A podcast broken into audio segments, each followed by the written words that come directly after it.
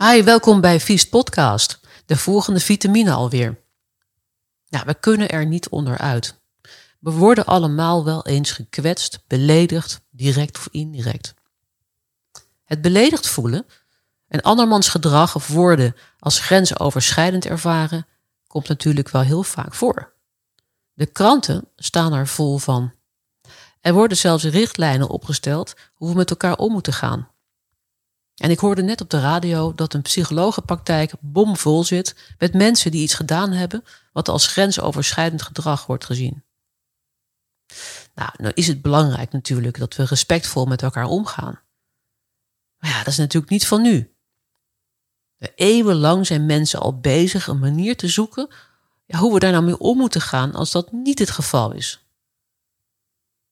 Epictetus, een van die Stoïcijnse filosofen, had het hier ook al over. En ik vind het best grappig. Want dit schrijft hij in zijn handboekje. En ik pas de tekst een beetje aan. Als iemand jou vertelt dat die en die kwaad over jou spreekt, ga je daar niet tegen verdedigen.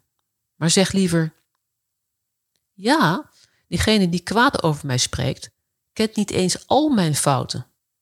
Want anders had hij het niet alleen over die ene fout gehad. Nou, zoals veel dingen zien de Stoïcijnen dit ook weer als een oefening. Want als je erbij stilstaat, is een belediging niet zomaar een belediging. Daar zijn eerst wat stappen voor nodig. Ten eerste moet iemand iets zeggen wat bedoeld is om te kwetsen. Dan moet jij dat wat gezegd is als kwetsend opvatten. En dan moet jij erop reageren door iets terug te zeggen, nou, of daar verdrietig over te voelen of boos te worden. En dan is pas de cirkel van belediging rond. En als we hier nou eens wat stoïcijnser naar gaan kijken. Nou, die eerste stap dus, hè.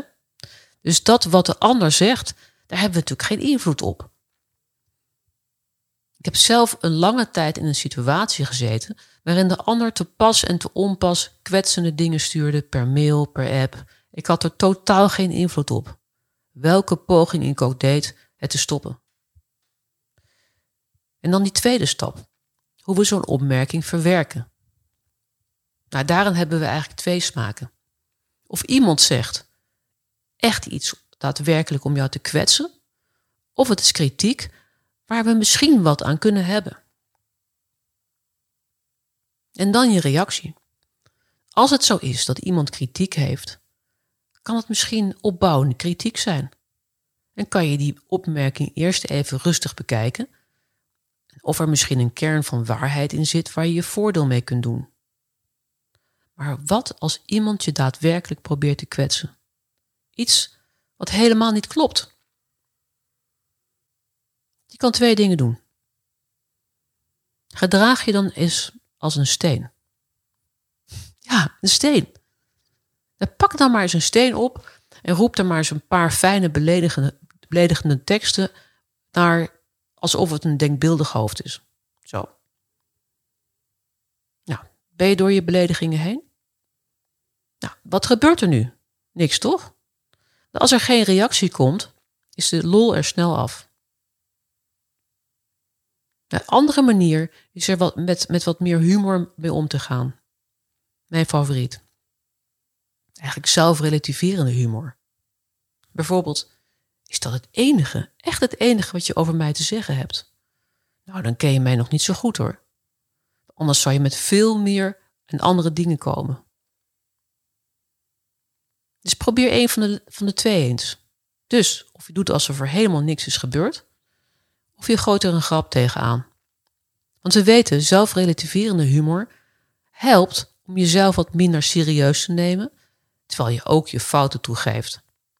Het is zelfs wetenschappelijk bewezen dat zelfrelativerende humor samenhangt met jouw welbevinden en geluk.